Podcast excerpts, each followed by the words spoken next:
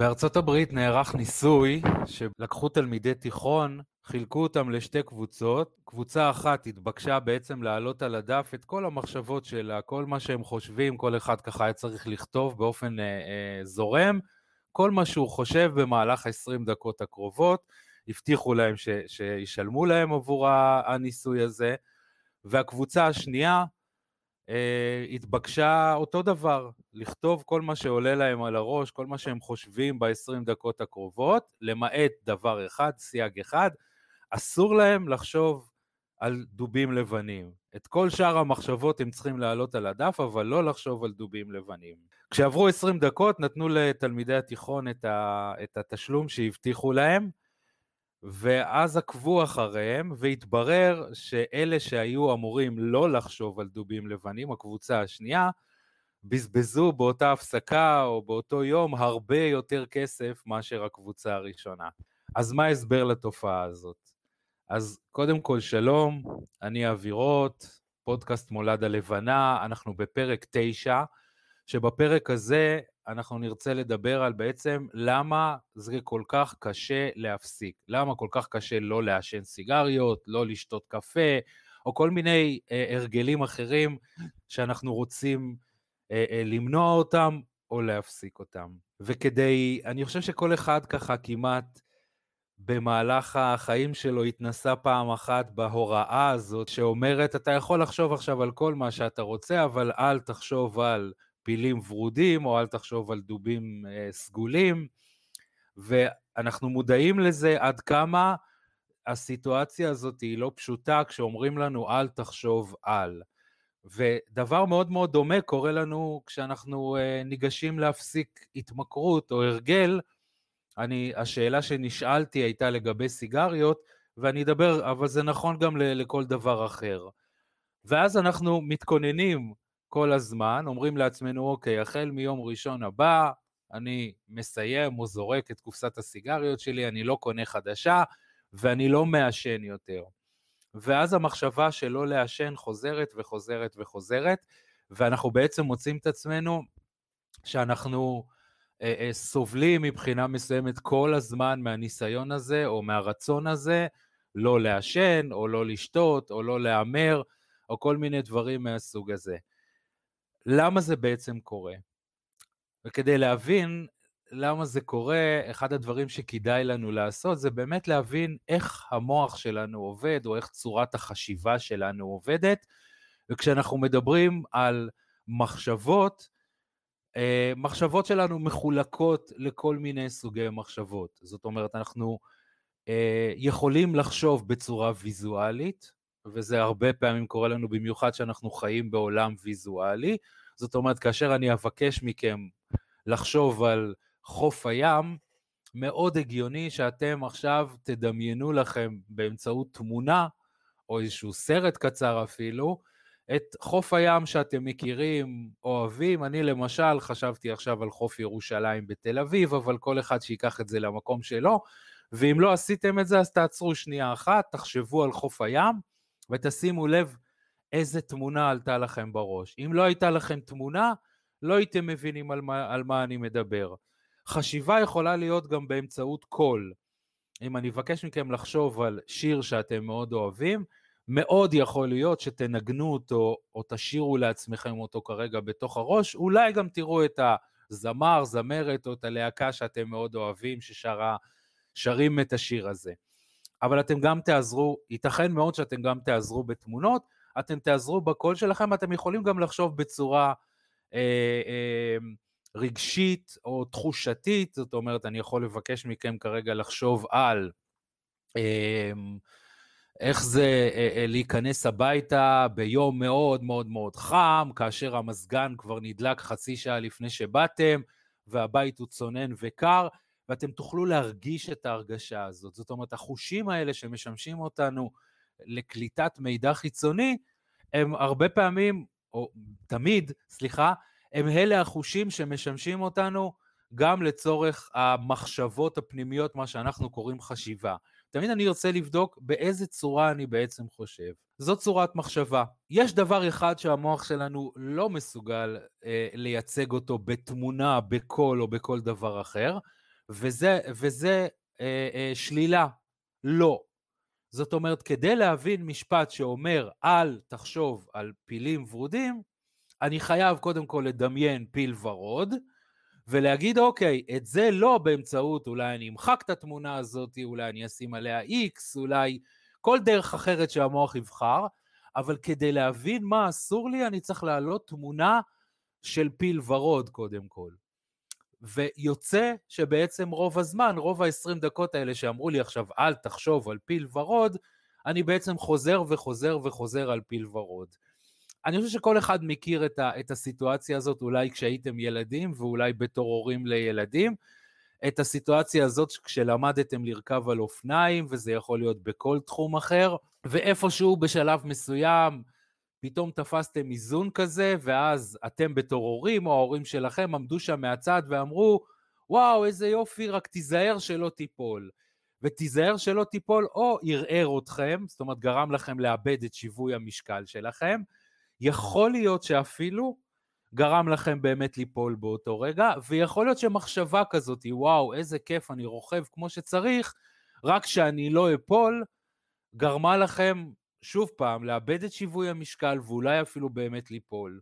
וזה יכול להיות גם בסיטואציה אה, אה, נוספת, אתם מרימים משהו ביד, ומישהו אה, צועק לכם, וואו, תיזהר שלא ייפול לך מהיד, ואתם כבר מרגישים את הידיים של, שלכם רועדות, אולי אפילו לפעמים משהו נופל.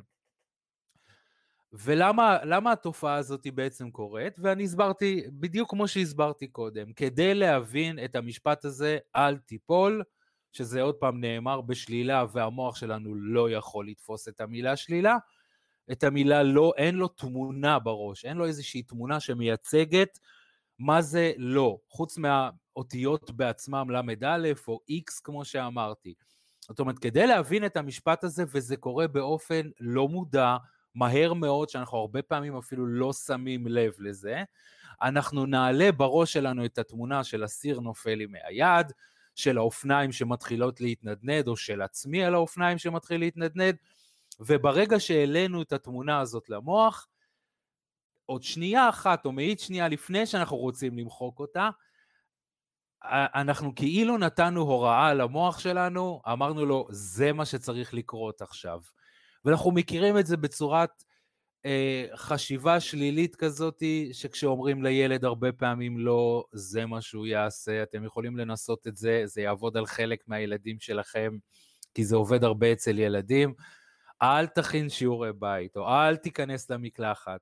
לא, אל תיכנס למקלחת, אל תיכנס למקלחת, ואתם פתאום רואים שהוא נכנס למקלחת, כי הכניסה למקלחת הזאת כבר עוברת אצלו, או השיעורי בית עוברים אצלו בראש פעם אחת, ועוד פעם אחת, ועוד פעם אחת, ועוד פעם אחת, והמילה לא באיזשהו מקום, המוח שלנו כאילו מוחק אותה.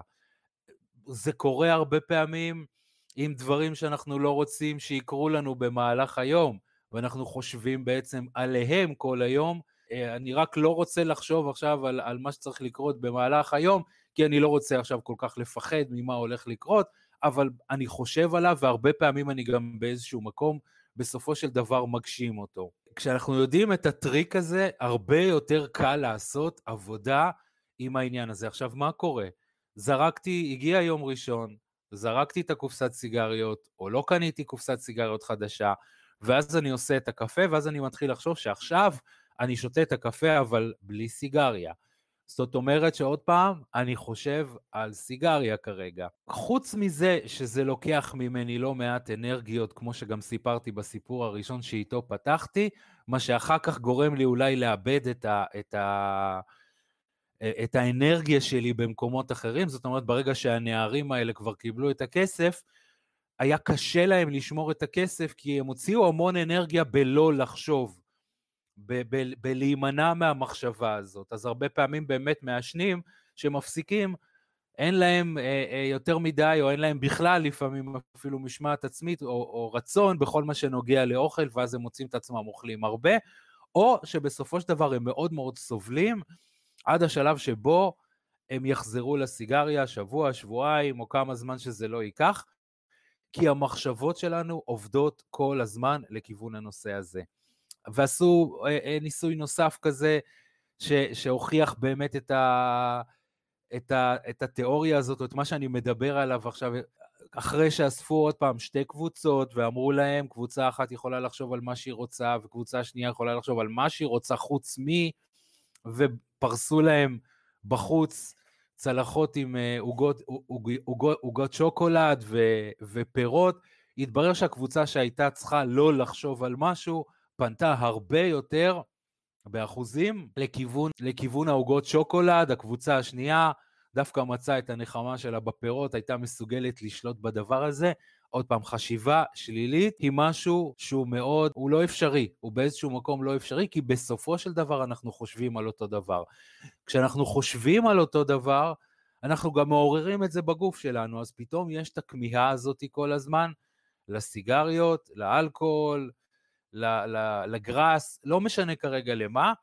הכמיהה הזאת, כי הכמיהה היא בסופו של דבר החשיבה שלנו. כאשר מדברים על זה היום, אפילו ברמה הפיזית, אפילו ברמה הפיזית, התחושות הפיזיות בגוף, כי, כי היום המון מדברים על זה שקשה או בלתי אפשרי אפילו להפריד בין החלק הרגשי, הנפשי שלנו יותר, לבין הגופני שלנו. הרבה פעמים תופעות גופניות, המקור שלהם יהיה במשהו רגשי פיזי וגם הפוך, אז אנחנו הרבה פעמים נרגיש אפילו את המשהו שאנחנו קוראים לו קריז, תופעות אחרות פיזיות, ש, שכל הזמן יעבדו, כי עוד פעם, המוח שלנו כל הזמן, כל הזמן, כל הזמן, חוזר על אותן תמונות.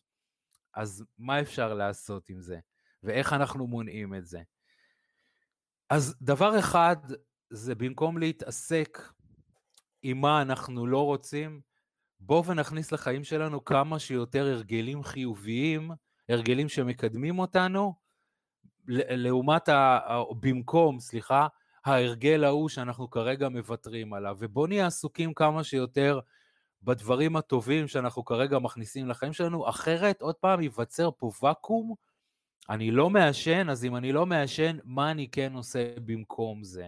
אם אני לא שותה עכשיו, מה אני כן מכניס לחיים שלי, וזה לא חייב להיות לפעמים דווקא בדיוק על הזמן הזה, אבל אם אני יודע שאני כבר לא מעשן, ואז אני יכול אה, להתחיל לעשות אה, ריצות או הליכה, או הליכה בבוקר, כי הריאות שלי כבר הרבה יותר נקיות אחרי כמה ימים, כי כבר הרבה יותר קל לי לעשות את זה, אז יאללה, בואו נכניס את ההרגל הזה לתוך, לתוך, לתוך החיים שלי, ואני אהיה כמה שיותר עסוק בהרגל הזה. ואני רוצה לתת לכם עוד טכניקה אחת, שאני ממש ממש, אם החלטתם, אני ממש ממליץ לכם לשמוע אותה, היא דורשת עצימת עיניים, אז כמובן שאם אתם עכשיו מקשיבים לזה ואתם בנהיגה או בכל פעילות אחרת, אז אני מבקש מכם לא לעשות את זה עכשיו, אתם יכולים להקשיב לזה ולהמשיך לנסוע ו- ולחזור לזה יותר מאוחר.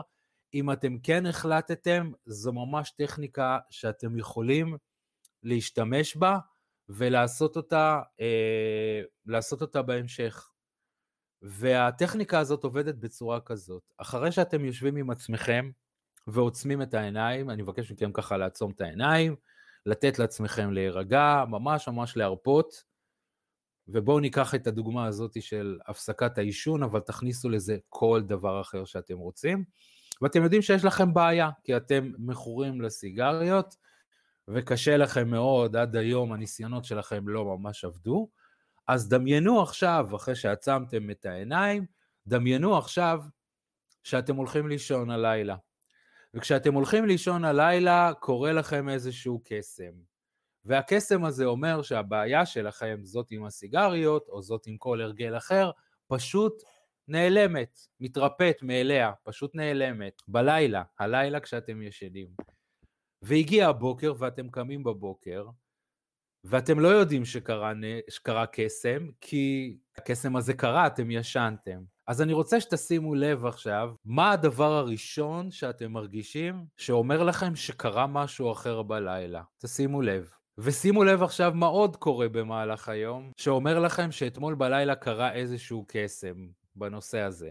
ותוסיפו לזה עוד ועוד ועוד ועוד דברים, ממש תוסיפו לזה המון תכנים שעולים לכם כתוצאה מזה שאתם מבינים, זאת אומרת, זה יכול להיות, וואו, קמתי בבוקר והדבר הראשון שחשבתי עליו היה תה הירוק או הקפה שאני שותה כל בוקר, ולא חשבתי בכלל על הסיגריה. מה עוד קורה לכם? ומה עוד קורה לכם ומה עוד קורה לכם? תאספו המון עדויות לזה, בגלל שמדובר פה בעולם של דמיון, אז מאוד קל לעשות את זה, כי במודע שלנו זה נראה לנו נורא נורא קשה שזה יקרה, אבל אנחנו מדמיינים כרגע, מרשים לעצמנו פשוט להתפרע בדמיון.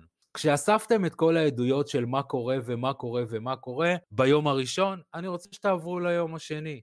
זה כבר יומיים מאז שקרה הנס הזה, ואיזה עוד דבר קורה לכם, שאומר לכם שקרה משהו. מה עוד קורה לכם, מה עוד קורה לכם, מה עוד קורה לכם, פשוט תאספו המון המון דוגמאות של דברים שקורים לכם במהלך היום השני. ואותו דבר תעשו גם ביום השלישי. תקדישו לזה זמן, זה משהו שממש ממש שווה לעשות. ממש שווה לעשות אותו, שימו לכם איזה מוזיקה רגועה, ועברתם את היום השלישי ואספתם את כל העדויות, ואתם יכולים לשים לב עכשיו לא רק מה אתם מרגישים, אלא גם מה אנשים אחרים מרגישים עליכם, שפתאום אומר להם שקרה פה משהו אחר, משהו שונה. אספתם עדויות של היום השלישי, ואני רוצה ככה לתת את, ה, את הדוגמה הזאת, אה, אה, קצת להיכנס כדי לתת דוגמה, אני עוצר שנייה אחת את התרגיל, תעשו אותו לעצמכם כשאתם, יש לכם זמן ואתם מסוגלים. זה יכול להיות למשל, שפתאום אני שם לב שלא לקחתי הפסקות בזמן העבודה. לקחתי פחות הפסקות, כי לא הייתי צריך את הזמן הזה לרדת חמש קומות למטה ולעשן סיגריה ושוב פעם לעלות למעלה. פתאום אנשים... אנשים אחרים אולי העירו לי על הריח של הבושם שלא שמו לב עד עכשיו, כי, כי כולי הייתי מלא בריח של סיגריות. יכול להיות שאנשים אחרים שמו לב שאני הרבה יותר רגוע בעבודה ולא מחכה כבר לשעה של ארוחת צהריים. ואם כבר מדברים על ארוחת צהריים, אז פתאום פעם ראשונה שניצלתי את כל ה-25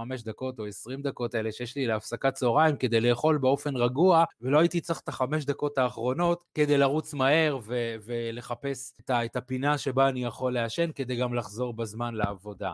אז פתאום אכלתי מאוד מאוד רגוע. בסוף היום השלישי אולי גם הצטבר לי הרבה זמן פנוי כרגע, כי, לא, כי לקחתי הרבה פחות הפסקות, סיימתי את העבודה בזמן שאני רציתי, ויכולתי לחזור הביתה מוקדם יותר, וכשחזרתי הביתה מוקדם יותר, פתאום היה לי זמן איכות עם הילדים. עכשיו, אני רוצה שתשימו לב, אני עוד פעם עוצר שנייה אחת את התרגיל, התחלנו בסך הכל מלא לעשן סיגריה, והגענו לזה שפתאום יש לי זמן איכות עם הילדים. אז עברנו את השלושה ימים הראשונים, אני חוזר, בואו נקפוץ שבוע קדימה. זה כבר שבוע מאז שקרה הנס, הקסם הזה, ואני רוצה שתשימו לב עכשיו, כשאתם שבוע אחרי שהקסם הזה קרה, מה חדש אצלכם בחיים? מה שונה? ואתם יכולים לספר לי עכשיו על התחושה הנקייה הזאת, על ה... פתאום עליתם במדרגות בלי להתנשף. על ההספק שלכם בעבודה, או אולי אפילו על אנשים החדשים שהכרתם פתאום, כי בהפסקה לא רצתם מהר לפינה של המעשנים, אז פתאום יצא לכם לשבת עם uh, יוסי מהמחלקה האחרת, או עם uh, מירב מהמחלקה השנייה, ו- ולנהל שיחה, כי אתם כבר לא צריכים להיות רק בפינת מעשנים ולדבר רק עם המעשנים, אז פתאום גם המערכת החברתית שלכם פתאום הולכת ומשתפרת. ובואו נקפוץ חודש קדימה. חודש קדימה מאז שהקסם הזה קרה, ותשימו לב איזה דברים חדשים קרו לכם בחיים. יכול להיות שאתם תדברו בשלב הזה על הרצון שלכם פתאום לקום בבוקר ולהתחיל את היום או לסיים את היום בהליכה, בריצה. אתם פתאום דואגים לבריאות שלכם כמו שלא דאגתם בעבר, כי פשוט אתם יכולים עכשיו. ואתם יכולים ככה לקפוץ ולראות עוד דברים חדשים שקרו בחודש הזה, ואתם תוסיפו ככה כ- כיד הדמיון שלכם שעובדת עליכם. גם קורה משהו אחר בבית, פתאום הבת זוג שלך או הבן זוג שלך, פתאום אתם יכולים להיות לידו יותר זמן, ואין את הריצה הזאת כל הזמן למרפסת או למטה כדי לעשן סיגריה. פתאום משהו פה הרבה יותר נעים, אתם מסוגלים להתרכז הרבה יותר זמן. אז מה זה נותן לכם שאתם מסוגלים להתרכז יותר זמן? אולי אתם פתאום בא לכם לקרוא ספר או ללמוד או לעשות כל מיני דברים אחרים, תזכרו, התחלנו מסיגריה ביום הראשון, זה הכל, אבל תראו לאן הגענו. ואתם יכולים לעבור חצי שנה מהיום, ובחצי שנה הזאת אולי כבר נרשמתם לחדר כושר אפילו, אולי התחלתם לשחות בבריכה, אתם פוגשים אנשים חדשים, אנשים שהם לא מעשנים, אנשים שאתם יכולים אולי לתקשר ולעשות הרבה דברים אחרים. לא יודע, אולי מישהו נרשם ללימודים כרגע, כי פתאום... אין לו את הלחץ הזה כל 45 דקות לעשות הפסקה ולרוץ החוצה ולעשן סיגריה או כל שעה. תכניסו כמה שיותר דברים, כי כשיש לכם זמן איכות עם הילדים, כי חזרתם מוקדם, כי לא, אז לקחתם הפסקות צהריים, אז פתאום יש לכם עכשיו המון דברים שאתם יכולים לעשות עם הילדים אחר הצהריים, אז משהו גם בקשר הזוגי, בקשר המשפחתי, בקשר עם מערכות היחסים שלכם, משהו פה משתפר. ותמשיכו את זה קדימה, מה קורה תשעה חודשים אחרי ומה קורה שנה אחרי, ובאמת, אל תהיו קמצנים לגבי עצמכם. תוסיפו את כל הדברים המדהימים שאתם רוצים ואתם יכולים להוסיף, ותייצרו תמונה אחת מדהימה של משהו שעוד פעם, כי זה תמיד ככה. בדיוק כמו שאתם זורקים אבן לתוך המים והיא מתחילה בשלב מסוים לעלות, יש את העיגול הראשון, ואז מגיע העיגול השני, ויותר גדול ממנו, ועיגול שלישי, האדוות האלה שעל המים. שינוי אחד בחיים יוצר לנו שינוי יותר גדול, ושינוי יותר גדול, ושינוי יותר גדול. וכשהגעתם שם לשנה וציירתם לכם את התמונה הכי מדהימה שאתם יכולים לצייר, תהיו נדיבים עם עצמכם, תפרגנו לעצמכם, אני רוצה שתיכנסו פנימה לתוך התמונה הזאת. וכשתיכנסו פנימה לתוך התמונה הזאת, תרגישו מה אתם מרגישים שמה, כשמערכות היחסים שלכם נראות אחרת, כשהריכוז שלכם בעבודה עולה, כשפתאום הכנסתם, כי אם התחלתם כבר ללכת לחדר כושר, אז אמרתם, אוקיי, למה לאכול junk food? וכבר התחלתם פתאום לאכול אוכל בריא יותר. ואולי אם התחלתם לאכול אוכל בריא יותר, אז גם התחלתם לבשל, אז פתאום גם כישורי בישול נכנסו לתוך המקום הזה. וכמה שיותר, כמה שיותר דברים שקרו כתוצאה, עוד פעם, מהיום הראשון שם, מהשינוי הקטנצ'יק הזה, ופתאום יש לכם תמונה עכשיו מלאה, ואתם בתוך התמונה, תשימו לב איך אתם מרגישים. איך אתם מרגישים עכשיו? מה יש בתחושה הזאת? מי אתם בתוך המקום הזה? מה, מה אתם מרגישים ביחס לכל הדברים החדשים שנכנסו לכם? ותשמרו את ההרגשה הזאת בגוף, תנו לה אפילו צבע, דמיינו איך היא רצה לכם בגוף, ועד כמה כיף לכם וטוב לכם להרגיש ככה. ומהרגע הזה של השנה, אני אבקש מכם להסתכל עכשיו אחורה, אל אותו אחד שישב שם שנה לפני והתלבט אם הוא רוצה לקבל החלטה ומה תהיה ההחלטה, ומה אתם רוצים להגיד לו מתוך המקום הזה. ותגידו לעצמכם את כל מה שאתם רוצים שנה אחורה, לרגע ההוא שם, הרגע לפני שהקסם הזה קרה, ותשימו לב עכשיו מה עשיתם אז שגרם לקסם הזה בכלל להתחיל ולקרות. תחברו את זה לאיזושהי פעולה שאתם יכולים לעשות כדי לגלגל את הקסם הזה, להניע את הקסם הזה קדימה. יכול להיות שהפעולה תהיה להירשם לסדנת עישון, יכול להיות שהפעולה תהיה לקנות איזה ספר שעוסק בנושא הזה, יכול להיות שהפעולה דווקא תהיה לקנות נעלי, נעליים לריצה, כדי שזה יתמרץ אתכם ויגיד לכם, אוקיי, בא לי לקום מחר בבוקר ולהתחיל את היום ככה. איזה פעולה עשיתם בעבר אז שגרמה לכל הקסם הזה לקרות?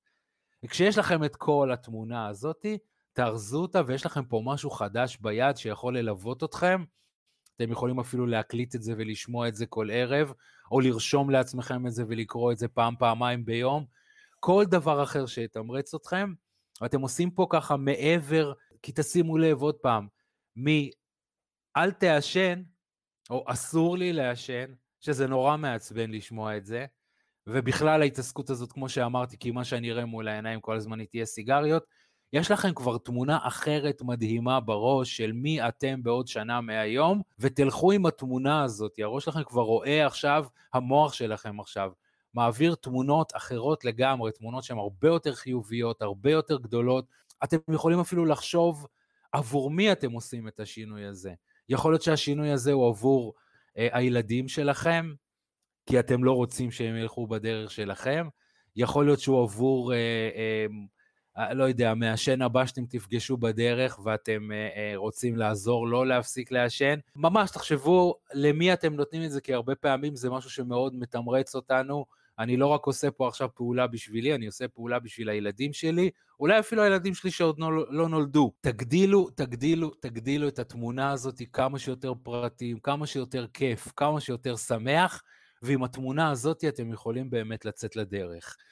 ופתרתם פה אפילו עוד בעיה נוספת, והבעיה הזאת היא באמת אותה בעיה שקשורה למערכת הדופמין שיש לנו במוח, זאת שמתגמלת אותנו, והרבה פעמים מאוד קשה לנו לייצר מוטיבציה מספיק חזקה שתילחם, אני לא רוצה להיכנס לכל הפרטים של המערכת הזאת, אבל אתם מוזמנים ככה לקרוא על זה, איזשהו הורמון שמופרש אצלנו במוח, ובעצם מתמרץ אותנו לעשות פעולות שבעיניו הן נראות חיוביות, ולהעניש אותנו מה יקרה אם לא נעשה אותם, ולפעמים כמו מחשב, הוא לא בדיוק יודע מה נכון ומה לא נכון, והוא ממשיך לתמרץ אותנו להמשיך לעשן. כאשר יש מוטיבציה מספיק גבוהה, מספיק חזקה, זאת הדרך שלנו באיזשהו מקום להילחם נגד, ה, אה, אני לא אוהב כל כך את המילה מלחמה, אבל, אבל ליצור רשת מתחרה כזאת בעצם שתתחרה בדופמין ותעניק לנו את הסיפוק ואת מה שאנחנו רוצים כדי לצאת לדרך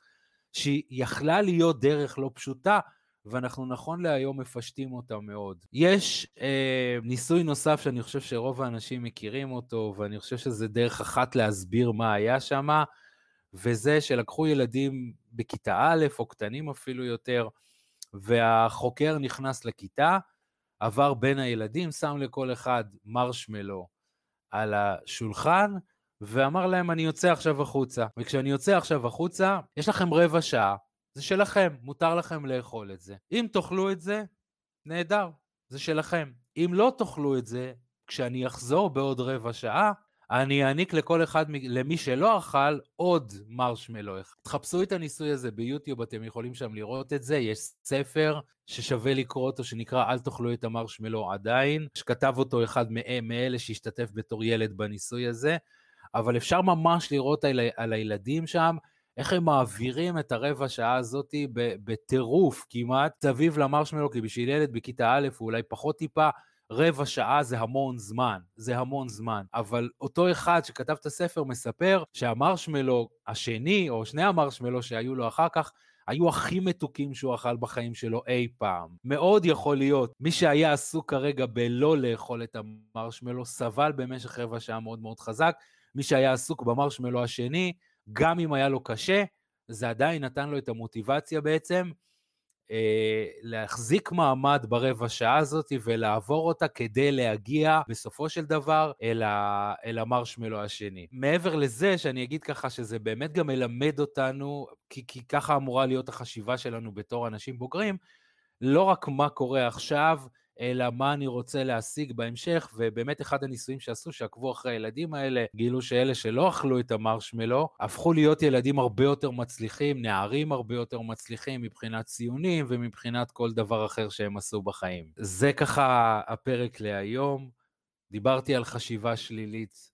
וזאת אומרת, מה לא לעשות, אני לא מדבר פה על חשיבה שלילית מסוג אחר, מה קורה כשאני חושב מה לא לעשות, לעומת מה קורה כשאני חושב מה כן לעשות ומה אני הולך להשיג בהתנהלות או בהתנהגות החדשה הזאת עכשיו שאני מתחיל אותה פה ועכשיו. תודה, מי שככה שמר על ההאזנה עד, עד השלב הזה, אני באמת מאוד מעריך את זה שאתם יושבים ומקשיבים ושומעים, אני מקבל מכם המון המון תגובות, וזה באמת גורם לי ככה להרגיש מאוד מסופק בזה שאני מקליט ושאני מצליח לעזור. אני מקבל מכם שאלות. הפודקאסט של היום הוא באמת על סמך שאלה שנשאלתי ממישהי שבחרה, כמובן, לא רצתה להיחשף, ואני אשמח לענות לכם, לא על כולם אני עונה במסגרת הפודקאסט, אבל אני בהחלט מגיב ואני עונה. מספר הוואטסאפ שלי 052 6251 477 אתם מוזמנים לשלוח לי בכיף הערות בעין, הערות באלף, תגובות ושאלות שיש לכם,